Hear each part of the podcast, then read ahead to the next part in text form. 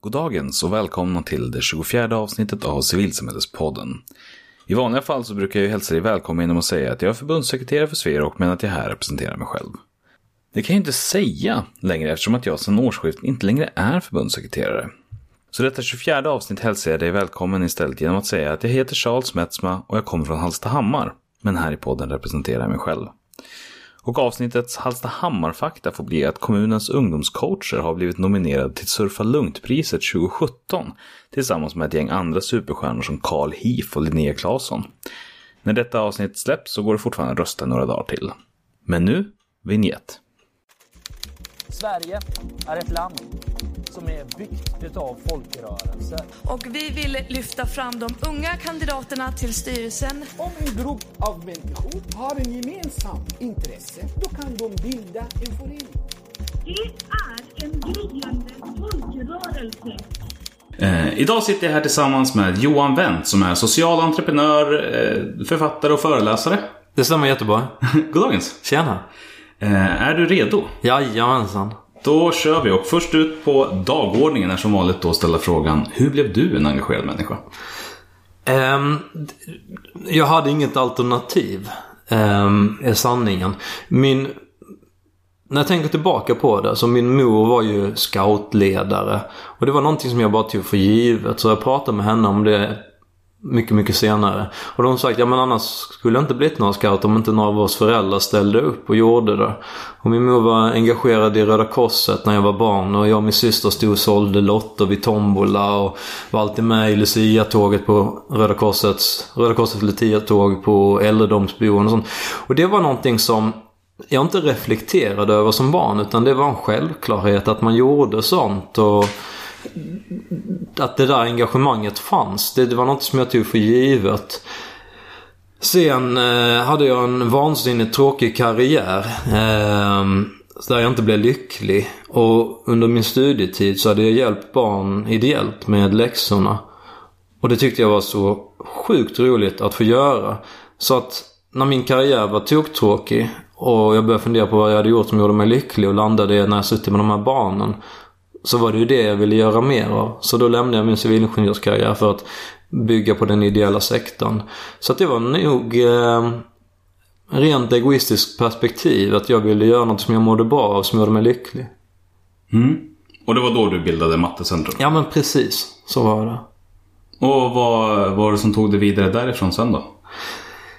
Alltså det som alltid har, vi, vi som jobbar på kansli, vi pratar mycket om mattecentrumeffekten. Det här med att man kunde haft världens sämsta dag liksom. Ens hamster har dött, ens partner har gjort slut och allting har gått emot en liksom. Och sen så kommer man och träffar 25 unga som är så jäkla glada att just du är där och vill hjälpa dem. Och man släpper allting. Allt skit som har hänt under dagen, det bara försvinner. Sen går man därifrån liksom lite hög på endorfiner och är så lycklig. Och det är det som har fått mig att hålla igång hela tiden. Kontakta med barnen och få se att det faktiskt gör skillnad på riktigt. Och det, det, det är så många som har, som har, eh, som har upplevt det. Jag kommer ihåg en, eh, en äldre farbror som hade sin första räknestuga. Efter hans första räknestuga då, för alla fick vara med och testa en gång. Räknestugorna, det är då tillfällena när ni har... Precis, när man träffar kidsen och räknar matte med dem. Yes. Och efter hans första räknestuga så sa han så här. Så frågade jag så här, men Leif tyckte du var ballt, vill du fortsätta? Johan, jag är 72 år gammal och jag har aldrig provat knark. Men jag kan tänka mig det är så här det känns. Han var liksom så hög på naturliga ämnen den kvällen. För att det gjorde honom så lycklig. Och det är ju det som, just det att känna att man gör skillnad och att ens tid är värd någonting och att man är så uppskattad. Man får så mycket kärlek tillbaka från ungarna. Det är det som har tagit mig vidare hela tiden. Eh, sen har jag också haft, sen har jag andra triggers också. Liksom när folk säger att någonting inte går. Då, då är jag ju såhär, jag är världens sämsta förlorare. Eller jag tror det i alla fall, för jag har aldrig förlorat. Men i teorin så borde jag vara världens sämsta förlorare för att jag kan liksom inte ta det. Eh, jag såg nu när jag gick in på Facebook i morse. Då var det en bild så här. Det här minnet var fem år sedan. Och det var när jag sitter och räknar matte med en flicka i Blåhallen i Stockholms stadshus. För att jag har arrangerat till största delen för att föreningen ska få synlighet. Så, för det är så, så här att om jag klättrar upp i, en, i ett träd och räddar en katt. Då kommer jag hamna i Aftonbladet. Så kommer de säga Åh Johan han är räddade en katt, jättefint. Gör jag det nästa dag, då blir det ingen som vill skriva om det. För då, jag, då förväntar man sig det av mig. Så när jag startade Mattecentrum så var det jättemånga som ville eh, skriva om bara det faktumet att vi fanns, att vi gjorde det. Sen efter ett tag så måste man ju fortsätta skapa synlighet. Skapa synlighet. För att vi hade, inte, vi hade inga pengar på marknadsföring. Utan vi körde, så till att traditionell media skrev om oss. Um, och då bland annat då så ville jag låna Blå hallen några dagar innan nationella provet och samla 400 barn och räkna matte i Blå hallen. Ehm, tänkte jag men det kommer TV och tidningar tycker jag ballt att vilja skriva om och då får vi fler volontärer, fler elever, vi får eh, våra existerande finansiärer och sponsorer bli glada och vi får nya sponsorer. Så det är alltid bra att synas i sådana sammanhang. Och då ringde jag till de som hade eh, Blå hallen. Eh, eller han, han ansvarar för uthyrningen av den. Så sa jag att ja, jag, jag har inga pengar att betala för den. men jag skulle låna Blå hallen. Nej men det kan man inte göra. Vadå låna Blå hallen? Det kostar pengar. Det kostar 50-60 tusen hyra den en dag. Och det, det är ingen annan som har gjort det. Det går liksom inte. Då resonerar jag som så att Blå hallen ägs av medborgarna i Stockholm. Eller jag vet inte om det är till och med i Stockholms kommun eller Stockholms län eller hela Sverige. Jag har ingen aning. Eh, men det är ju inte, det är inte, det är inte, någon, det är inte någon, en enskild individ som sitter och äger på utan det är ju medborgarna, invånarna i samhället. Och vi vill ta 400 barn från samhället och plugga matte gratis med dem. Då är det självklart att vi borde få vara där. Så då tog jag ett snack med Ren Svenonius från Moderaterna. Sitter, hon var stadsborgarråd tror jag det heter. Eh, I Stockholms stad. Hon är typ boss över Stockholm då liksom. Så skickade jag ett mejl till henne. Men du är ren, vi hade snackat lite, jag hade presenterat mattecentrum för henne innan. Så jag bara, ja men jag vill ta dit 400 barn. Plugga matte med dem gratis där. Kan jag inte få göra det? Jag ser till att vi löser det. Och så fixar hon det. Men det var bara det, ingen annan som hade funderat på det. Och jag, jag, jag ser liksom ingen annan, om inte jag kan se en rimlig anledning till varför det inte ska gå så kan jag liksom inte ge mig där heller. Utan då frågar jag någon annan, då får man gå runt den personen.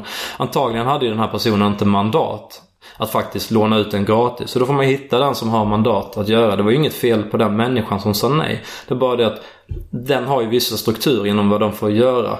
Eh, vid vissa ramar. Och det, den får inte jag, den personen gå utanför. Utan då får jag ju ta det vidare till någon som kan gå utanför de ramarna. Och det hittade jag, det var en väldigt lång eh, berättelse. Men i morse så hittade jag då en bild på Facebook, så här, ett minne. Fem år sedan så satt vi i Blå hallen vid den här dagen och räknade matte med barn. Och det var en fin, fint minne. Ja. ja det förstår jag verkligen. Det är imponerande att höra. Vi kommer komma in på det mer sen också. Under dagens tema kan jag tänka mig. Men från Mattecentrum, hur gick du vidare sen till, vad har du haft mer för? Ja, eh, 2008 startade jag Mattecentrum. Eh, jag tyckte det gick väldigt långsamt det första året. Men det gick väl för att det var en helt ny verksamhet. Jag hade ju ingen erfarenhet av att bygga ideella föreningar eller vara engagerad i ideella föreningar. Så gick det ju rätt snabbt ändå och vi växte och jag skalade upp det. 2011, då hade jag fullt med elever, fullt med volontärer, fullt med finansiärer, fullt med medial synlighet. Och jag började få ganska tråkigt, för allting gick jättebra. Så då packade jag min väska och åkte till Köpenhamn. Eh, startade en ideell förening som heter Matematikcenter. Och för de som inte belevar det, det danska språket, så betyder det då mattecentrum, fast på danska. Startade upp där, skalade upp över hela Danmark. Danska finansiärer, danska elever, danska volontärer.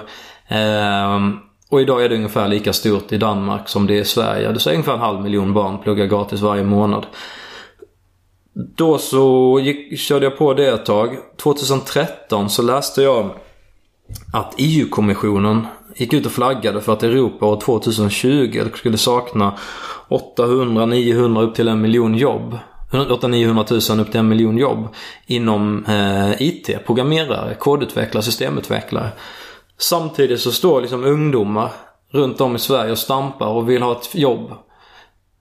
Och företagen vill anställa. Spotify går och hotar med att de måste flytta utomlands om de inte kan hitta folk som de kan anställa.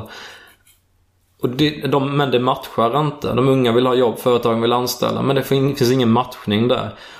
Och kollar man dessutom på de som är utvecklade, då är det människor som är ungefär som mig. Det är män och de har en, haft en socioekonomiskt bra bakgrund och de har min hudfärg som är lite skär. Och det, det vill jag också påverka. Så då startade jag 2013 en ideell förening som heter Kodcentrum. Där... Något inspirerad av Mattecentrum då? Ja, så i princip samma struktur. Vi, vi lånar lokaler av skolorna. jobba med volontärer. Eh, hittade finansiär, Spotify gick in och finansierade direkt från start. Eh, och, jag vill, och det var så här, jag blev pappa 2013, tvillingpappa. Jag blev ensamstående tvillingpappa. Men det var för jävla dålig timing av mig att bygga upp en ny ideell förening samtidigt som jag drev Mattecentrum i Danmark och i Sverige. Och hade två barn som var ute och föreläste en massa också och publicerade en bok i januari eh, 2014. Men samtidigt så såg jag ett problem. Jag såg att jag, jag visste exakt vilka verktyg jag skulle använda för att lösa det här problemet. Och jag kände att det var min skyldighet att göra det också. Um, och jag visste om att jag kunde få, fick jag bara hjulen i, i rullning så skulle det komma igång väl. Och jag är, jag är expert på det. Jag är skitduktig på att få igång sådana saker. Och jag har jättemånga människor runt omkring mig som vill hjälpa mig. Mitt nätverk i sociala medier är mitt starkaste verktyg. I... Eh, jag vet inte om du har sett det men för tio dagar sedan eh, så i mitten av, eh, av november så arrangerade jag ett kalas för 200 barn med eh, NPF-diagnos. Så neuropsykiatrisk funktionsvariation. Som ADHD, autism, Asperger, Tourettes och så vidare. Mm. Och när jag ville dra igång det, då gick jag ut på sociala medier och skrev att hej, jag vill göra ett kalas för de här barnen eh, på Kungliga Operan den 12 november. Eh, vem, kan vara, vem kan vara med som volontär? Vem kan vara med finansierade? Vem kan hjälpa mig att sprida det? Ett dygn senare så har jag ett gäng volontärer Alltså mer än jag behövde. Kanske 30-40 volontärer som, som anmält intresse. Hade en, en fyra, fem företag hört av sig och säger att de vill sponsra det. Massvis med företag som hörde av sig och sa att de ville skänka produkter och så vidare. Hade jag inte haft det nätverket och alla de som vill hjälpa mig så hade det inte gått. Men jag ser ju sociala medier som ett jättebra arbetsverktyg för att få det som jag vill ha helt enkelt. Eh, nu gled jag från frågan lite. Vad har jag gjort sen? Men det är ingen fara för att jag menar, vi, det här är ju mycket sånt som vi kommer komma in på sen också. Så att Ja, jag är inte så det blir- stringent idag. Nej men det är ingen fara. Nej. Eh, nej men så efter så startade jag Kodcentrum. Sen eh, under 2014 så byggde jag upp gårdcentrum. Jag drev Mattecentrum i Sverige och Danmark och var ute och föreläste jättemycket. Och så hade jag mina tvillingdöttrar samtidigt.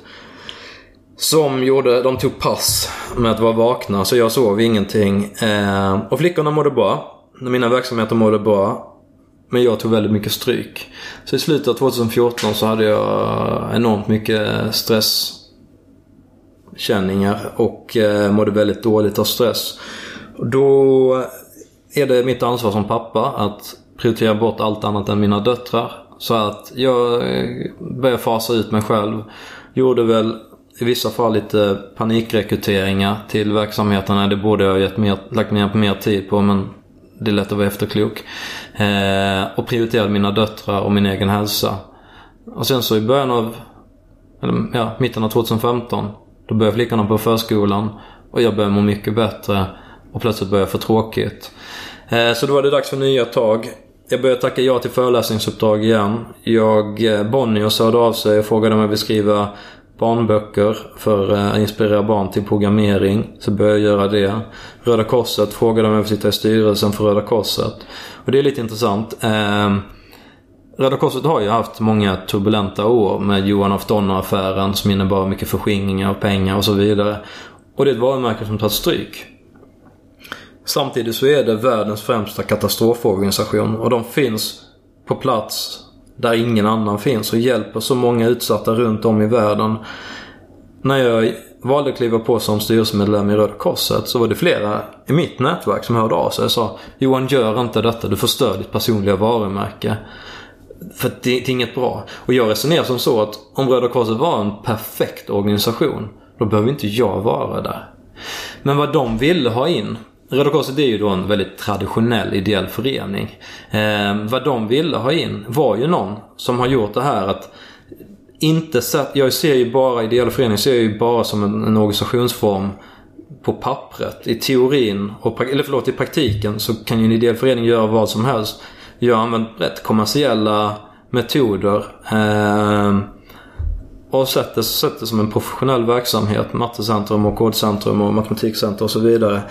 Och eh, de vill ha in det tänket. Hur jag jobbar för att rekrytera och behålla frivilliga. För det är någonting som vi Mattecentrum, eller de här föreningarna har varit jätteduktiga på att behålla frivilliga länge. Alltså människor som ställt upp vecka ut och vecka in i 5-6 år. Och det är någon, våra volontärer jämfört med många andra har stannat mycket, mycket längre. Ehm, och det tänker ville de få in i Röda Korset. Så det har jag förhoppningsvis tagit med mig och försökt påverka i den riktningen. Att modernisera, modernisera det lite. Sen har jag eh, efter det tackat ja till att sitta med i Utbildningsradions styrelse. Anledningen till det, Utbildningsradion gör fantastiskt material för skolor, för samhället och har ett folkbildande uppdrag också. Och det är, det är en sån jäkla bra verksamhet som jag tycker får alldeles för lite kärlek i samhället. Eh, och jag brinner ju för utbildning. Jag tycker att utbildning är jätteviktig. Många tror ju att jag är typ en, en mattenörd, att jag älskar matte och att jag, får jag fem minuter över så sitter jag och läser ett mattetal där hemma. Så är det inte. utan Det som verkligen driver mig det är det här att min generation, jag är 70-talist. Så kunde man kolla på hur många böcker mina föräldrar hade i bokhyllan när jag växte upp. Och därmed, mer eller mindre, avgör min akademiska framtid och på så sätt också min socioekonomiska framtid. Och så får det för fan inte vara en demokrati som Sverige. Alltså vi har, det så, så bör det inte vara någon annanstans på världen, i världen heller. Men vi har pengarna, vi har möjligheterna att göra att alla barn får samma goda möjligheter från, från start. Men så är det inte idag. Utan det är så avgörande vad föräldrarna har för bakgrund.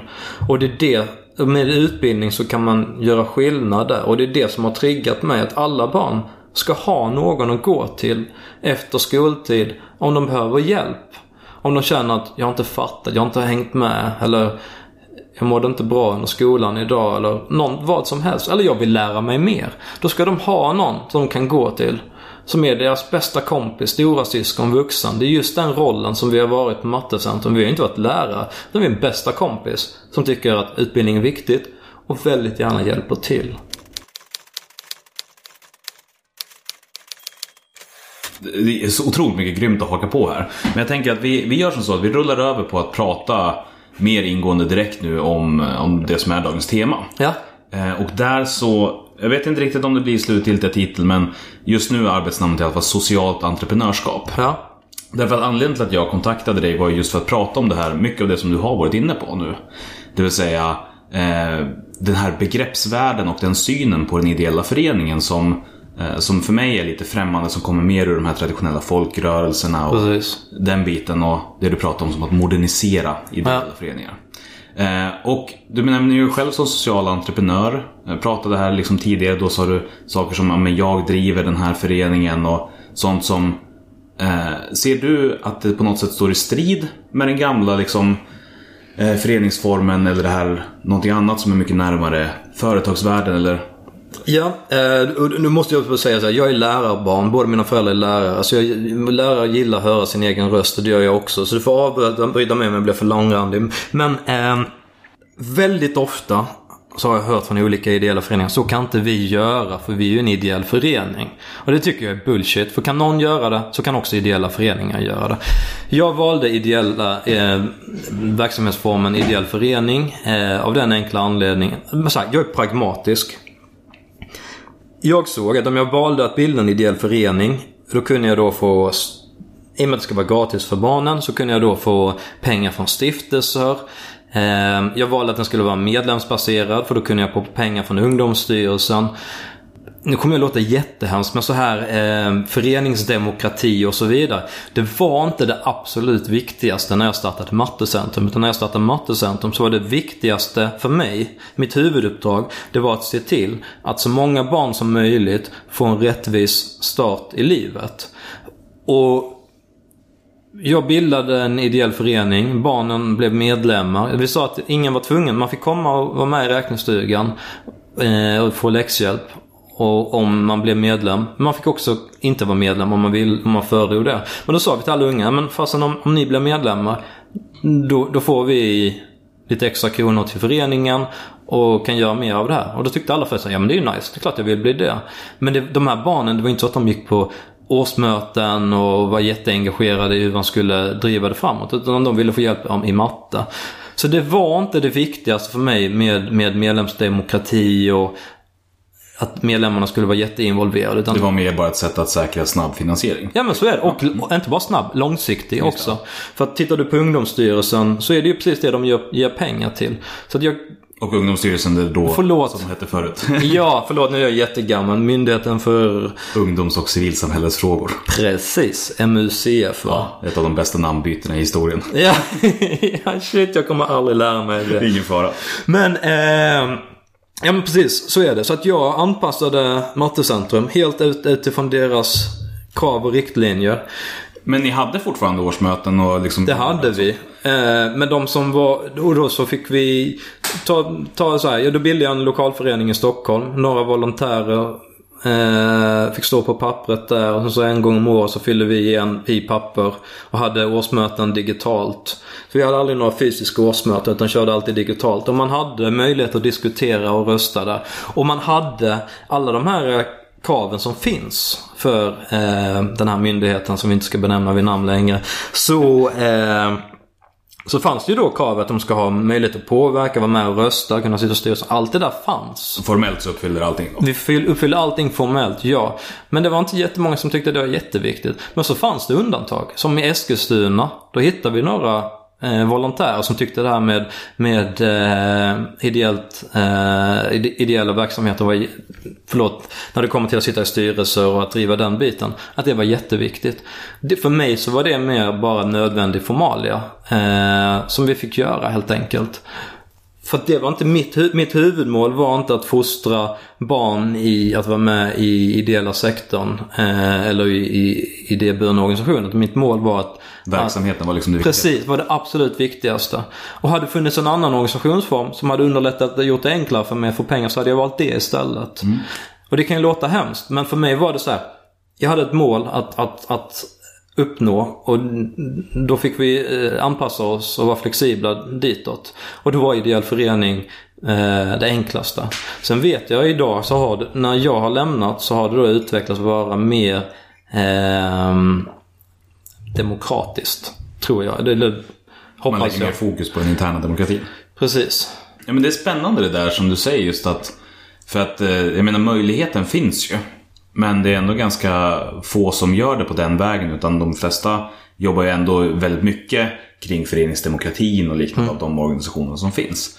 Vad, eh, vad har du märkt eller fått för reaktioner på just det sättet som, som du drev en ideell Framförallt, nej inte så jättemånga. Eh, det jag märker, våra volontärer och frivilliga har ju noll intresse av att gå och sitta på möten och diskutera och så vidare. Och, utan de har ju intresse av att träffa barnen och verkligen vara hands-on, jobba med barnen och hjälpa dem att lära sig matematik och diskutera, diskutera skola, utbildning och så vidare och vara det stödet. Eh, så vi har ju haft extremt dedikerade frivilliga och, och volontärer. Och hur har ni byggt liksom långsiktigheten i deras engagemang när inte, alltså utan föreningsformen? Precis. Genom att ge dem eh, arbetsuppgifter som är specifikt dedikerade till deras kompetens. Alltså vi tar människor som är väldigt duktiga på matte och väldigt duktiga på att dela med sig av sin kunskap. Det behövs frivilliga med står stå och koka soppa och delar soppkök också i Stockholm. Men det är inte det, det som de här människorna nödvändigtvis ska göra. Utan för att det verkligen ska vara långsiktigt så måste vi ge någonting som utmanar dem också. Och då har vi hittat det just för de människorna. Och sen också har vi haft eh, väldigt höga förväntningar på våra frivilliga. Fler, jag, jag, jag vet eh, ideella verksamheter som, som säger till sina frivilliga ja, ni måste i alla fall ställa upp en gång i månaden och ja, försöker försöka komma regelbundet och åtminstone en timme i taget. Vi bara fuck no. Vi ser, jag ser att eh, om man engagerar sig ideellt, då har man samma krav som om du har en anställning, bara det att det är oavlönat. Du kan inte gå till ditt jobb och- och skita i att, att anmäla att du är sjuk.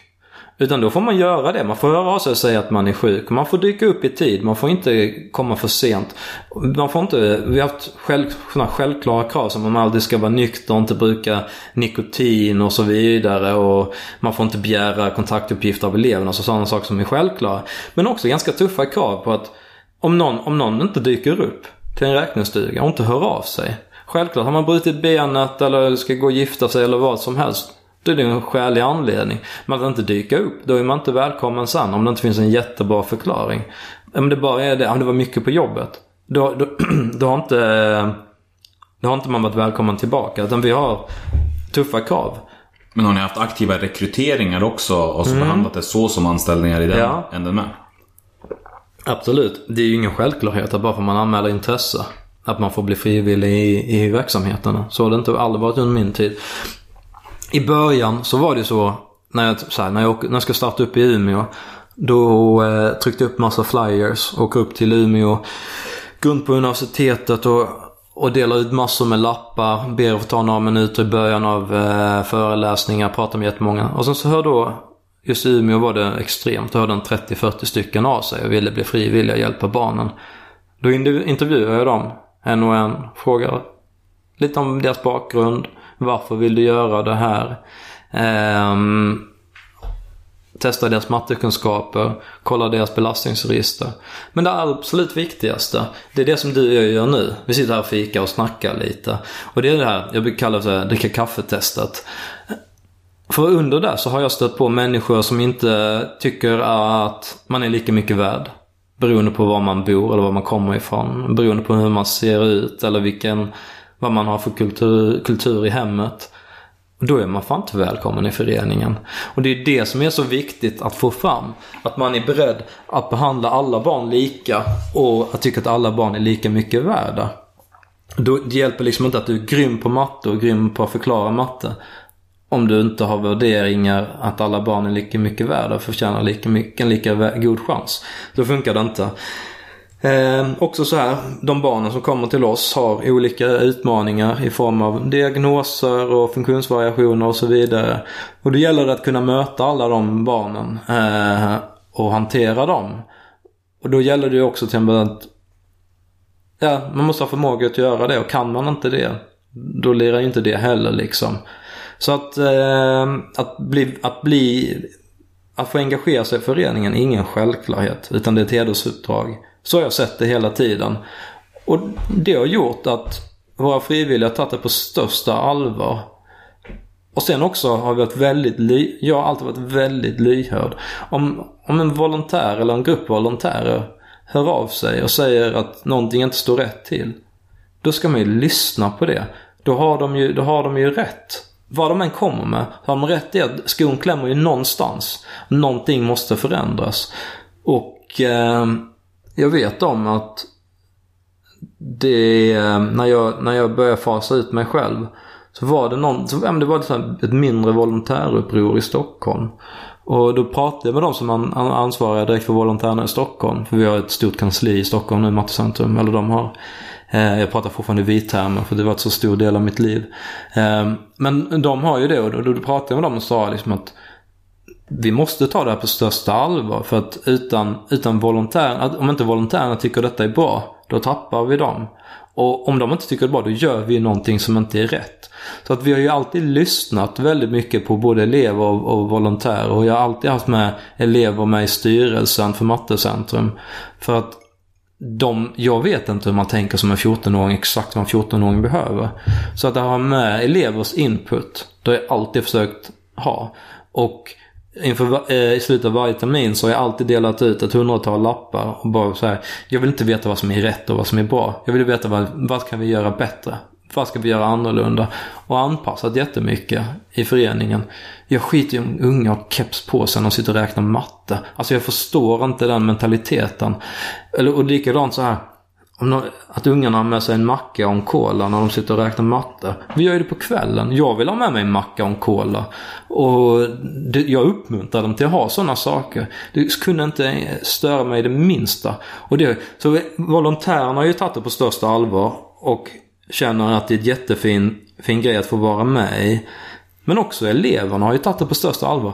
Aldrig har vi haft några problem att säga till att, behöva säga till med att sluta med det där eller börja med det där. Och så vi talar ju, vi talar ju alltså tiotusentals, hundratusentals individer som vi aldrig behövt säg, korrigera deras beteende utan det går hur fint som helst. Vårt största problem, det har alltid varit när det börjar närma sig stora prov.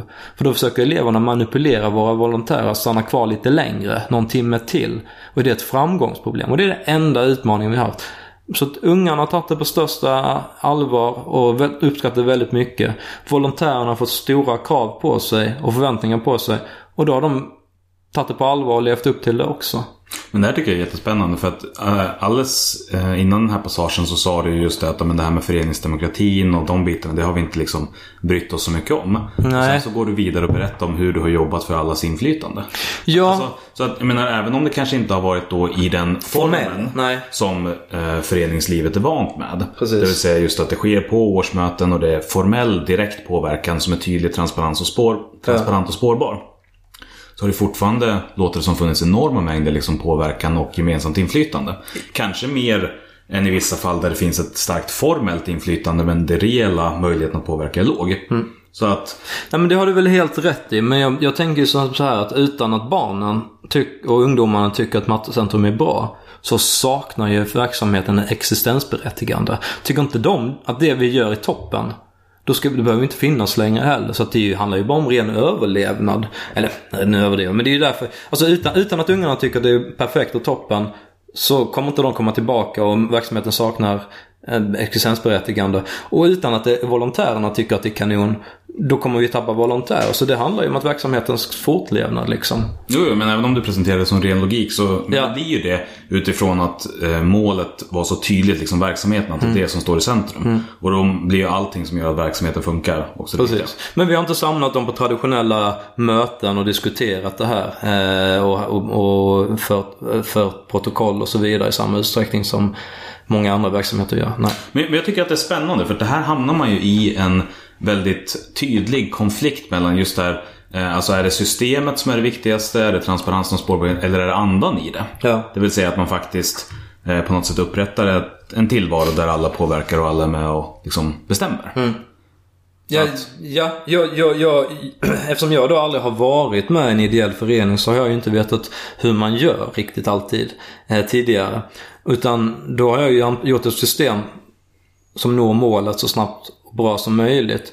Eh, och det har inte varit då att kalla för att, för att alltså, Mattecentrum har varit runt en 30 lokalföreningar. Och bara hålla rodd, att rodda. Och det har inte varit var inte något jättestort intresse av, lokalt av att, eh, att rodda i eh, styrelsemöten och årsmöten och så vidare. Utan de, deras engagemang och intresse har varit direkt med barnen. Eh, så när det inte funnits det utan då, då har jag valt helt enkelt att det är mer bara någonting som vi måste genomlida varje år. En gång om året, ett årsmöte och sen så har det varit bra med det. Ja, men precis, för personligen så är jag ju väldigt stark förespråkare för liksom den här, eh, vad ska man kalla den, stela föreningsformen. Ja. Men att göra den så pass rolig för att man skalar bort allting som är meningslöst så att man når ambitionen i det. Ja. Eh, Och det här är ju egentligen bara det som jag har jobbat med fast en, eh, ett steg ännu längre. Ja. Jag tycker att det är häftigt och spännande att höra. För att när jag hade bilden utifrån så var det väldigt mycket så här, nej men det här är ett företag i förklädnad. Eh, För att det är lite så det ser ut liksom från utsidan. Ehm, Men, men det du presenterar är någonting helt annat. Ja men, men samtidigt så har jag haft mycket av det här, det här kommersiella tänket. Eh, mycket, när det kommer till kommunikation. Och Sara Dumber, en kvinna som grundade eh, Friends. Om jag minns rätt när hon grundade Friends, jag tror det var någon gång i slutet av 90-talet. Så började hon göra reklamfilmer eh, för Friends och sända reklamfilmer på TV. Eh, den här antimobbingorganisationen. Om jag minns, om jag förstått det rätt, så blev det liksom lite ramaskri i ideella sektorn. Vadå? Gör en reklam för en ideell förening? Att det kunde man liksom inte riktigt göra. Det är ju företag gör ju reklam. Gör reklam för att sälja schampo, gör reklam för det och det. Eh, men hon, hon hittade då företag som vill eh, sända, jag tror det var TV4 som hon fick. Hon fick gratis slottar där. Hon hittade produktionsbolag som producerade reklamfilmerna gratis. Och hon började göra ett nytt grepp där och det har jag försökt. Sara har varit en av mina förebilder, är en av mina förebilder. och spinna vidare på. Så att vi har gjort, jag har gjort många olika samarbeten. Jag, så här, ett samarbete som många på Twitter blev skitsura över. Det var att jag kontaktade eh, McDonalds och sa så här. Får vi låna, får vi ta över era restauranger i 30 städer? Då förvandlar jag dem till räknestugor. Så alla barn som kommer att käka McDonalds den här, den här dagen. De får också plugga matte gratis. Anledningen är att eh, kollar du på McDonalds en, en, en, en genomsnittlig vardag så, pluggar, eh, så går, käkar ungefär eh, 200 000, 300 000 människor på McDonalds i Sverige. På en, eh, på en lördag så käkar 400 000 människor på McDonalds. Om det är bra eller dåligt att det är så. McDonalds bär ju deras varumärke är ju laddat med ganska mycket mer än mat bara. Eh, men om det är bra eller dåligt får någon annan avgöra. Det är, som, det är inte mitt uppdrag. Men det är så ser det ut. 400 000 människor, var 25 svensk käkar på McDonalds på lördagar. Och det finns en kraftig överrepresentation av människor som kommer från socioekonomiskt utsatta miljöer. Och jag ville nå de här. Jag vill inte bara nå barn som kommer från privilegierade områden som redan har förstått att det här med utbildning är viktigt och redan har har den basen. Den vill kunna nå alla. Och då via, går via McDonalds så kunde jag nå många av de här barnen som, som var minst privilegierade. Eh, så då kontaktade McDonalds och sa, får jag låna er restauranger 30 städer, förvandla dem till räknestugor. Det jag kräver tillbaka, det är på era brickunderlägg. Så ska ni skriva om Mattecentrum, skriva om den här dagen och marknadsföra oss. Den här dagen blev en succé. Eh, dels så var det massvis med barn som fick lära sig matte. Volontärerna tyckte det var jättehäftigt. Vi fick... Media tyckte det var helt galet ju. Vadå? McDonalds blev en räknestuga. Då var det liksom en nyhet. Så bara där fick vi synlighet. Men vi exponerade så mycket på grund av det här brickunderlägget också. Att McDonalds kommunicerade ut oss. Så att både eh, digitalt och fysiskt så fick vi extremt många fler elever efter den här helgen. Så det var ett otroligt lyckat samarbete. Sen så var det folk som hörde av sig och sa att jag sålde min själ till djävulen och så vidare. Ärligt talat, jag skulle sälja den om och om och om igen. Om det skulle vara så att massvis med nya barn eh, får möjlighet att få en god start i livet. Det, det, det var liksom värt det. Men det är någonting som många hade sett som helt omöjligt att samarbeta med McDonalds. För att, det, för att McDonalds är laddat med, jag vet inte, imperialism, eh, globalisering och så vidare. Allt möjligt. Eh, men McDonalds finns där och de kommer finnas där med eller utan vår inverkan. Själv äter jag inte kött, stöttar inte köttindustrin. Men jag såg att jag kunde nå väldigt många. Jag var pragmatisk återigen där. Um, och så har vi gjort med många varumärken. Arla. Jag ringde till Arla och frågade om inte vi kunde få synas på alla deras mjölkförpackningar. En kollega till mig kom på den briljanta idén att vi skulle ringa till Kalanka och be dem göra ett helt temanummer. Där allting handlar om matematik och sen så lyfte de upp Mattecentrum i mitten. Eh, de gjorde till och med en figur av mig. Och ja, så vi har gjort många sådana samarbeten med kommersiella aktörer för att få synlighet. Vi behöver ha elever. Så istället för att betala för att trycka upp annonser och så vidare. Så har vi gjort olika samarbeten och hittat andra möjligheter. Jag har ingen aning om, om eh, det är Sverok du är engagerad i, eller hur? Ja, just nu ja. ja. Om Sverok skulle kunna samarbeta med McDonalds. Men jag vet att många ideella föreningar hade definitivt tvekat och funderat på det. Men för mig så var det... Det hade, det hade i alla fall varit en fråga. Det hade Ja, inte bara precis. kunnat vara kliva in och säga nu kör vi. Utan det Nej. hade, det hade varit en, Och en där- sak som diskuteras. Och där har jag varit lite mer diktatorisk. Eh, sagt nu kör vi. Och det är ärligt talat de som protesterade eller tyckte, hörde av sig om det. Det var inte våra elever eller våra frivilliga. Utan våra frivilliga. Det var en jätterolig dag. Det var jättehäftigt att få göra detta. Och det var inga svårt att hitta frivilliga som ville ställa upp på en lördag. För att annars kör vi alltid veckodagarna. Men det var inga problem med att bemanna de räknestugorna. Det var det inte. Hmm. Det, det är spännande att drabbas av det här som ändå är... Jag vet inte, jag kan inte ens klä det i ord riktigt. Det är det där man inte får göra. Eller man kan, så kan man inte göra. Nej men precis, det, det är väldigt mycket som är... Fast det är inte bara baserat på att liksom tradition och att det inte är så någonting har gjorts förut. Utan det är någonting annat också. Som, som jag inte riktigt hittar vad det är. Nej. Men jag tycker att det är väldigt fascinerande att höra om det. Ja. Men, men nu när du har klivit in då i Röda Korset och sitter där i styrelsen också.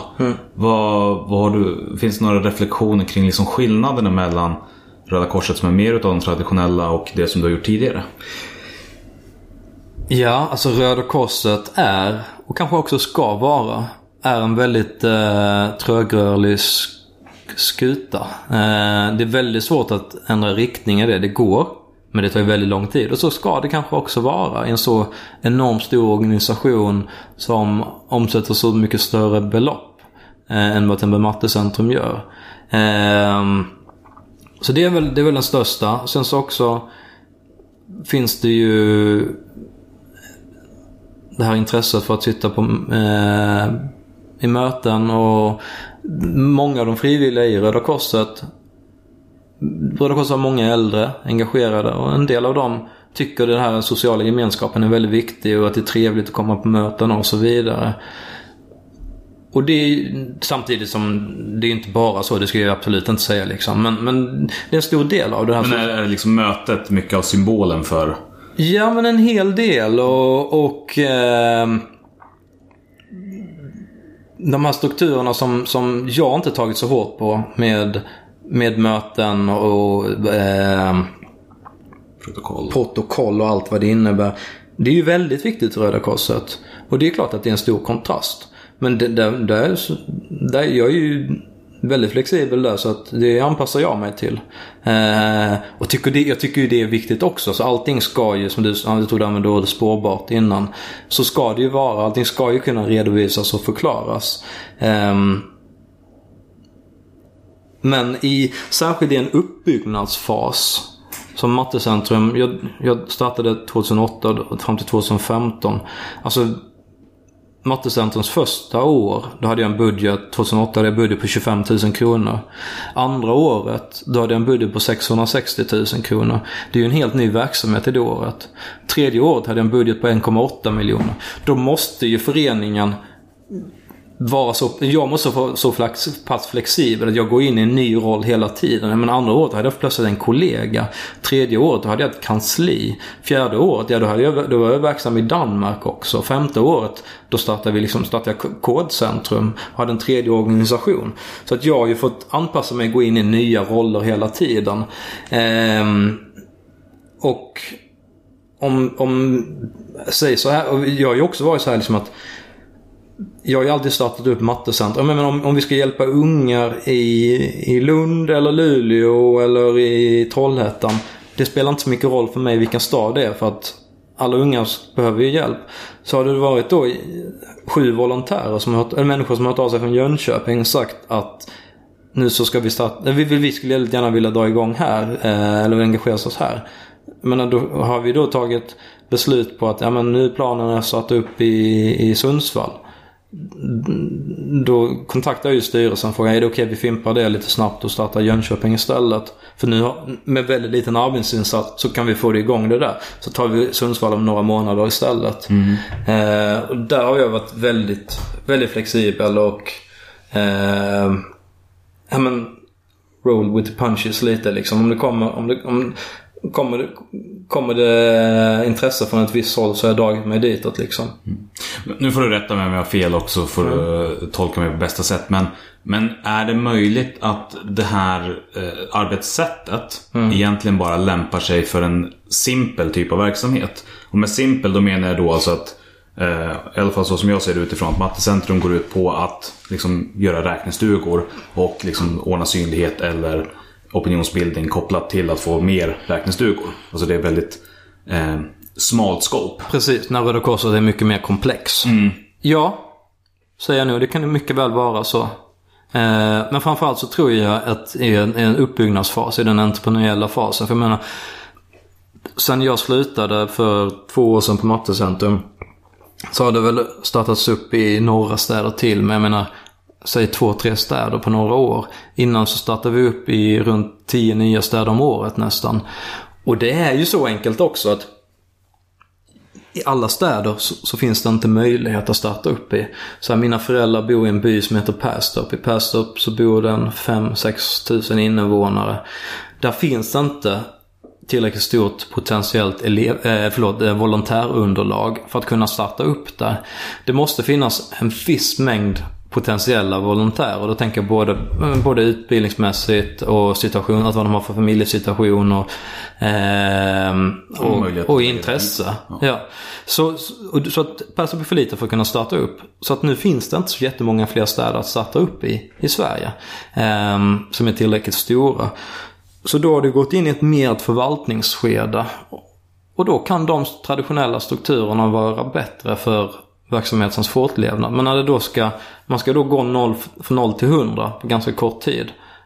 Då är liksom inte det viktigaste att man har liksom ordentligt med fikabröd och sitter ner och diskuterar alla frågor tillräckligt snabbt. Utan då får man vara lite pragmatisk och lite lösningsorienterad.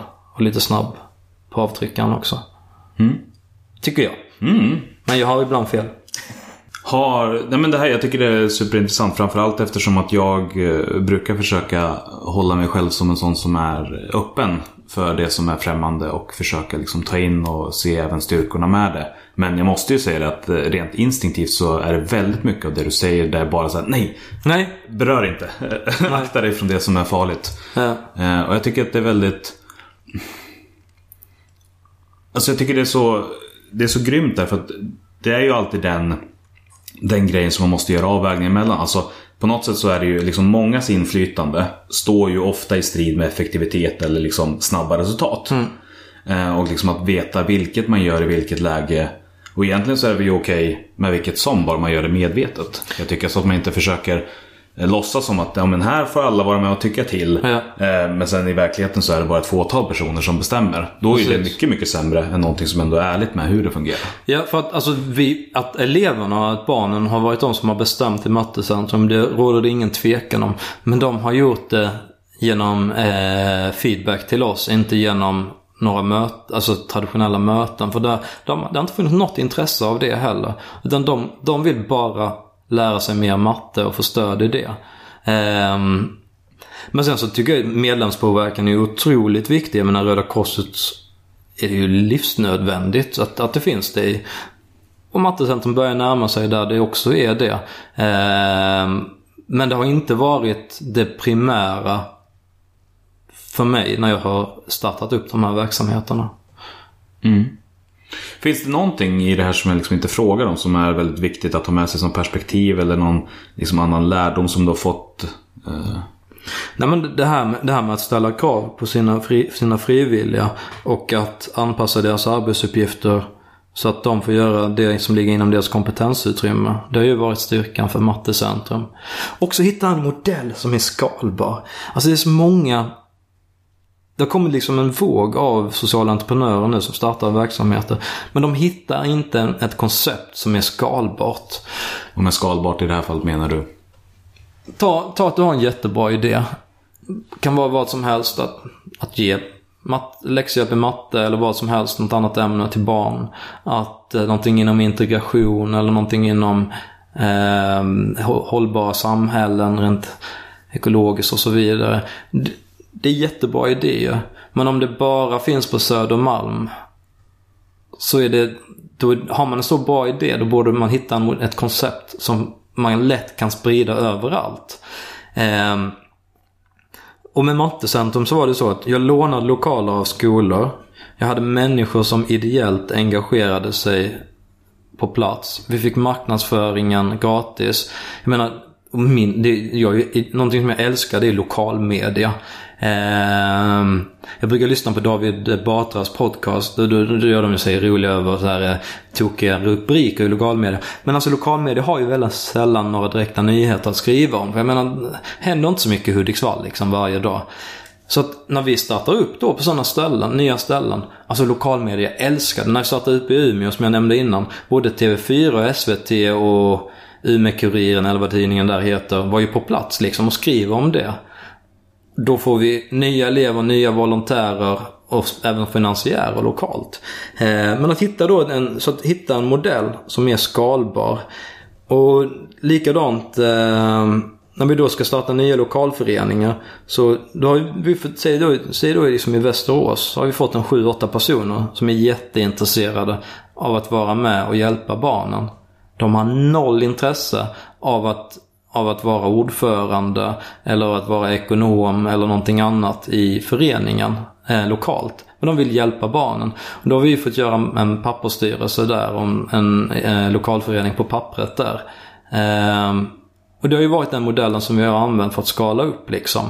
Ha ett koncept där egentligen alla kost, där allting jag behöver är gratis. Både elever, volontärer och lokaler, det är gratis. De bildar en styrelse eh, och lokal lokalförening som gör att och med det så finansieras min lön så att jag kan åka runt och samla ihop de här människorna.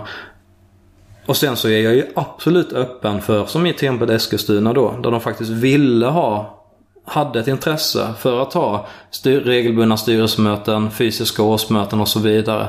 Att vara öppen för det. Men finns, saknas det intressen så tänker jag inte säga ah, nu kan vi tyvärr inte göra någon läxhjälp i Västerås. För att det saknas intresse av att vara, sitta, i, sitta i en styrelse sitta i styrelsemöten.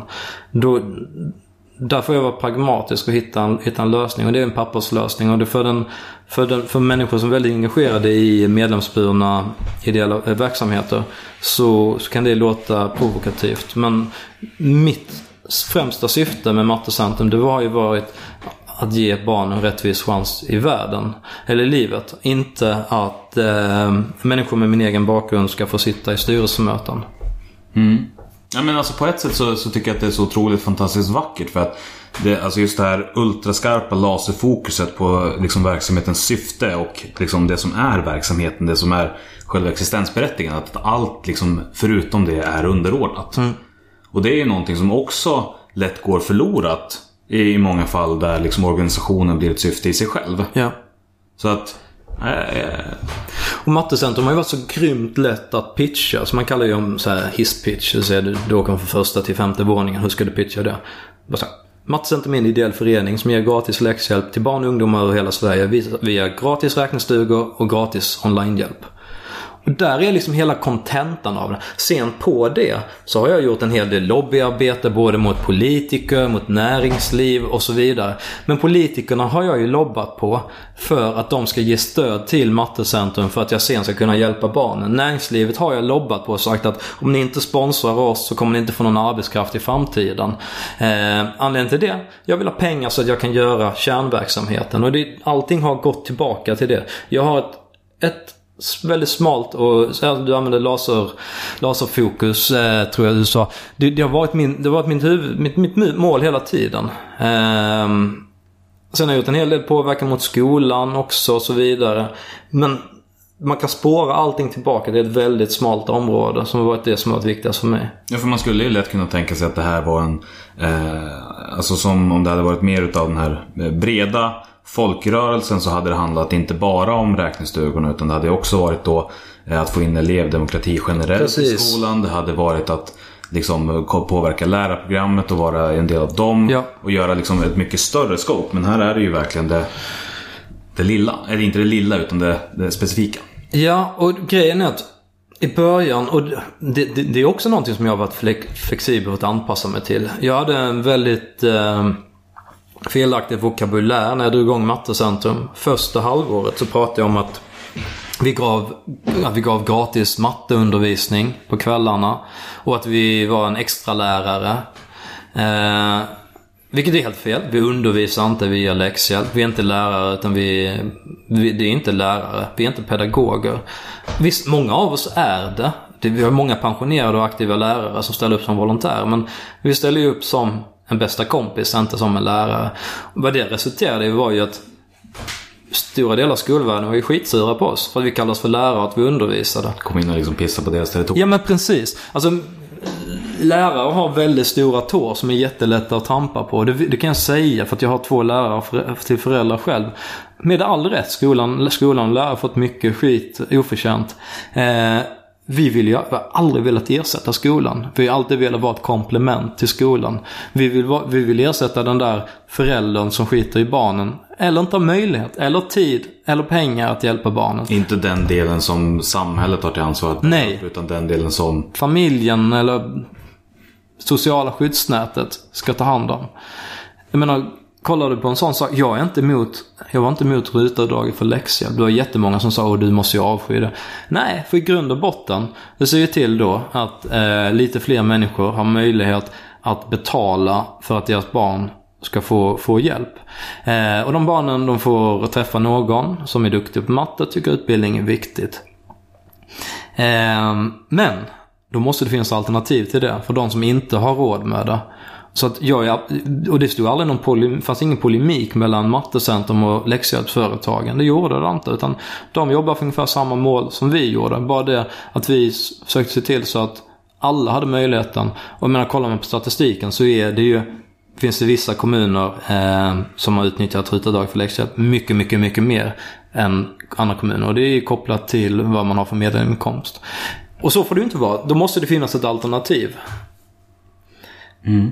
Du glömde få bort frågan lite. Jag också. Men eh, det började där någonstans. Men, men absolut. Jag, menar, det är ju, jag tycker att det är också ett intressant perspektiv just att man inte går in och försöker ersätta eh, kommuners eller statens ansvar eller liknande. Utan man fyller en annan roll som Ja. alltså det som ändå är eh, vad många ideella föreningar gör. Ja. Det här gråzon och vakuumet som inte finns någon. va- Vare sig företag kommer ta ansvar för det och staten kommer inte göra det. Eller offentligheten. Utan det är det här där vi alla gemensamt och solidariskt får hjälpa till. Och jag har ju fått, alltså grejen är, det absolut viktigaste med Mattecentrum. Jag, fick, jag, fick, eh, jag, har en, jag brukar ut, ut och föreläsa och då har jag en liten, en liten lapp som vi fick av, ett, av en elev. En elev kom med en chokladkartong och en lapp till kansliet och gav till oss. Och där skrev eleven eh, Tusen tack för att ni har hjälpt mig att gå från eh, eh, godkänt till, eh, nej från IG, icke godkänt, till väl godkänt, det gamla betygssystemet i, eh, i matte C. Ni har inte bara höjt mina betyg, utan ni har också höjt mitt självförtroende. Där kommer vi till någonting jätte, jätte påtagligt. För till att börja med så var det inte vi som har höjt hennes betyg. Utan det var hon själv som hade gjort det genom att kämpa hårt och utnyttja möjligheten som fanns. För att alla kommer ju inte komma till Mattecentrum. Men alla ska ha chans att göra det, möjlighet till att göra det. Ehm, men det här med självförtroende och självkänsla. För att det finns ett falsarium som snurrar i, i samhället. Vissa kan erkänna det och vissa kommer förkasta det. Men många av dem tror lite på det ändå. Och det är det att om du är duktig på matte så är du också intelligent. Att man är en smart människa, man är en mattemänniska. Den där logiska resonen. Ja men precis. Men jag menar, fan Zlatan föddes ju inte bra på fotboll. Han blev inte bra på fotboll genom att spela tv-spel och käka chips. Utan han har ju tränat och tränat och tränat. Han har haft bra pedagoger runt omkring sig. Visst, han har lite bättre fysiska förutsättningar för att bli riktigt grym på fotboll. Men fasen, jag skulle också kunna lära mig att springa efter en fotboll och sparka på den. Om om jag hade fullt med människor runt omkring mig som visste exakt hur jag skulle göra. Och varje gång som jag gjorde rätt, då ställde sig 50 000 människor upp och applåderade.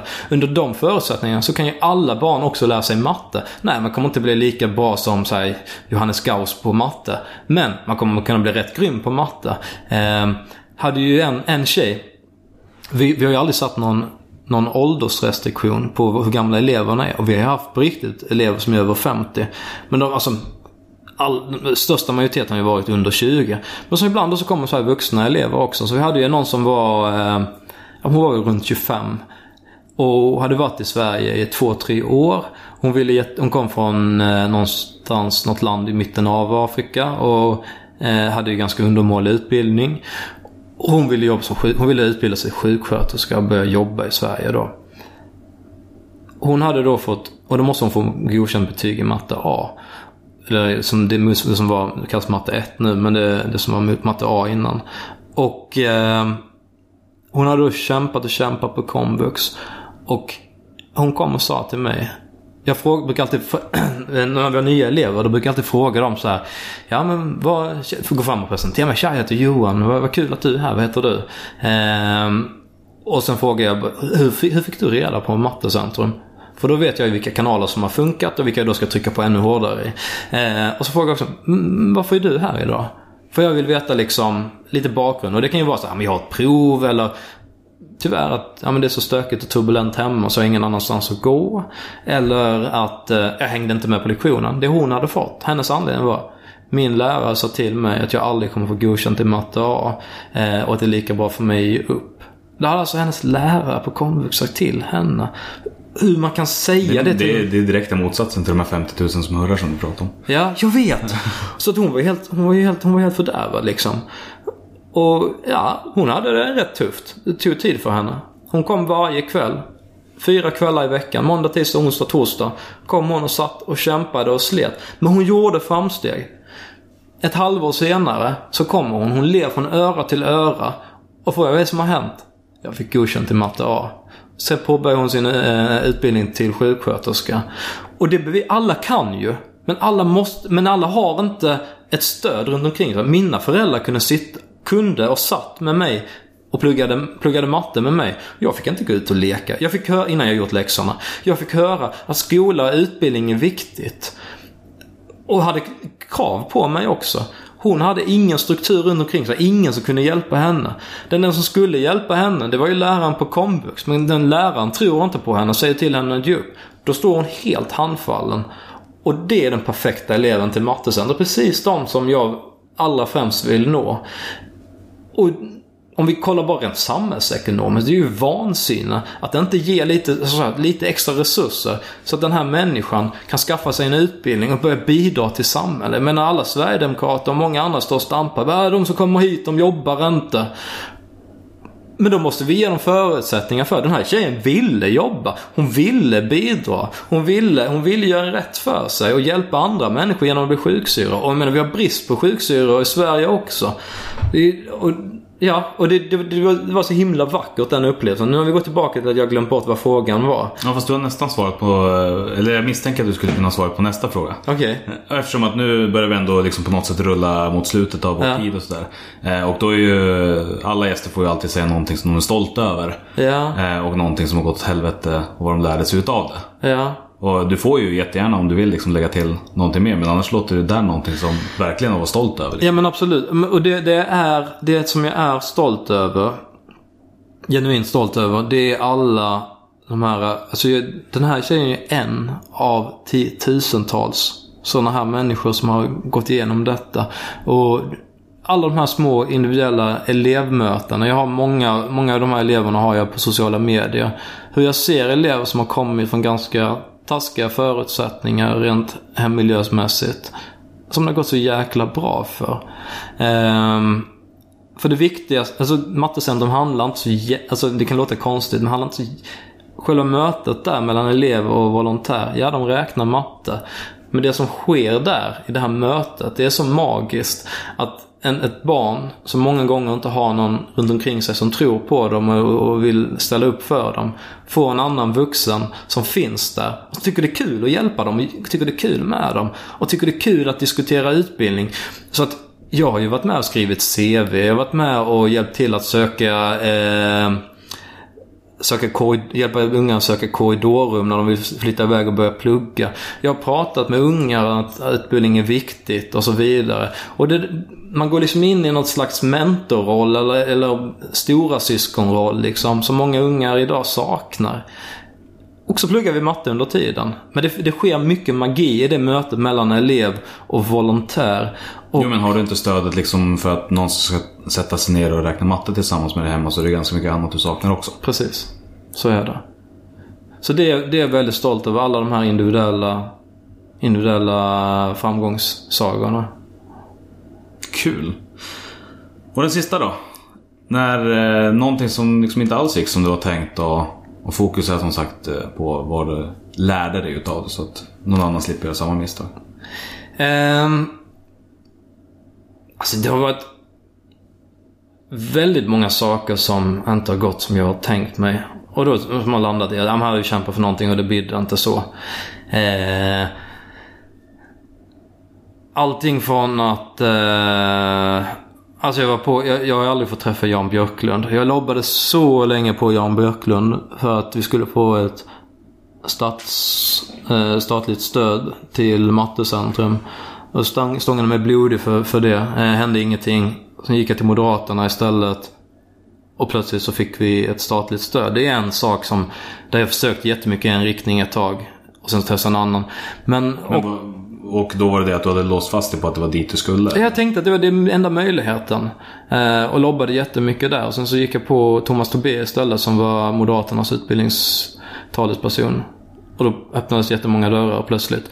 Men jag ska tänka på någonting som har verkligen gått, eh, som har gått dåligt. Det var i en stad där när Mattecentrum hade skalats upp, det fanns i 6-7 städer då. Då började folk från hela landet höra av sig. Men precis som jag beskrev då, 6-7 personer som hör av sig från en stad.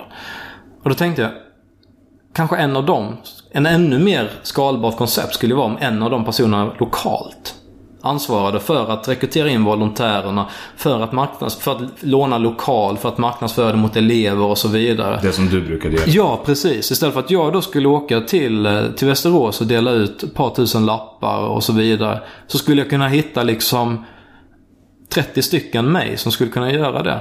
Så då testade jag i en stad att en, det var en kille som hörde av sig och sa att jag vill jättegärna göra detta.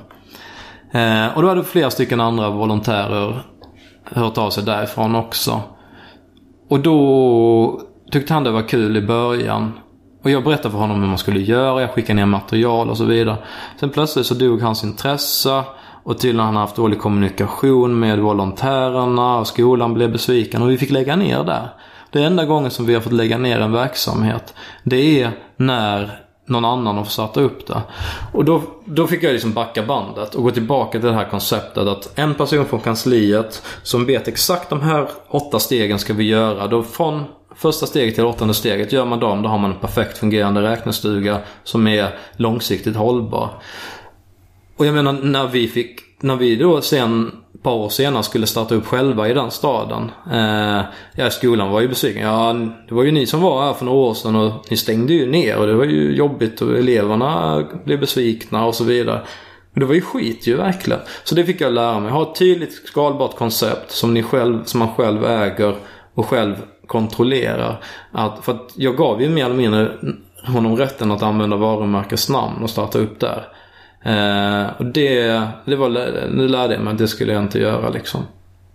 Och det här är spännande det du säger, för det här är ju på något sätt ändå eh, Nu är väl det som är tydligast kan jag tycka liksom går direkt i strid med hur den liksom, traditionella föreningsvärlden Mm. fungerar. Ja. Just det här med att det är någon För lite grann låter det som att du säger att lärdomen är de menar allting tillbaka till, till mig eller till den kärnan. Eh, och inte det här gemensamma att man får prova och misslyckas. Och, eller tolkar jag fel? Ja, men man får prova och misslyckas. Men då måste ju jag ju också lära mig någonting av det. Eh, det alltså om... Man bränner ju en del broar också när man misslyckas. Så att då, vi, då hade jag ju ett koncept. Jag hade ett koncept som jag visste fungerade. Och sen så testade vi ett nytt koncept som visade sig att det här är inte lika bra som det andra konceptet. Då, då gick jag tillbaka till det. Och vad, vad vi gjorde istället enkelt det var att jag anställde en, en, en, min första kollega blev en person som reste runt. Jag, först startade, reste jag runt med henne och startade upp i ett par städer med henne. Och liksom överlämnade min, mitt sätt att göra det på. Och sen fick hon ta det vidare och hon har såklart förfinat det.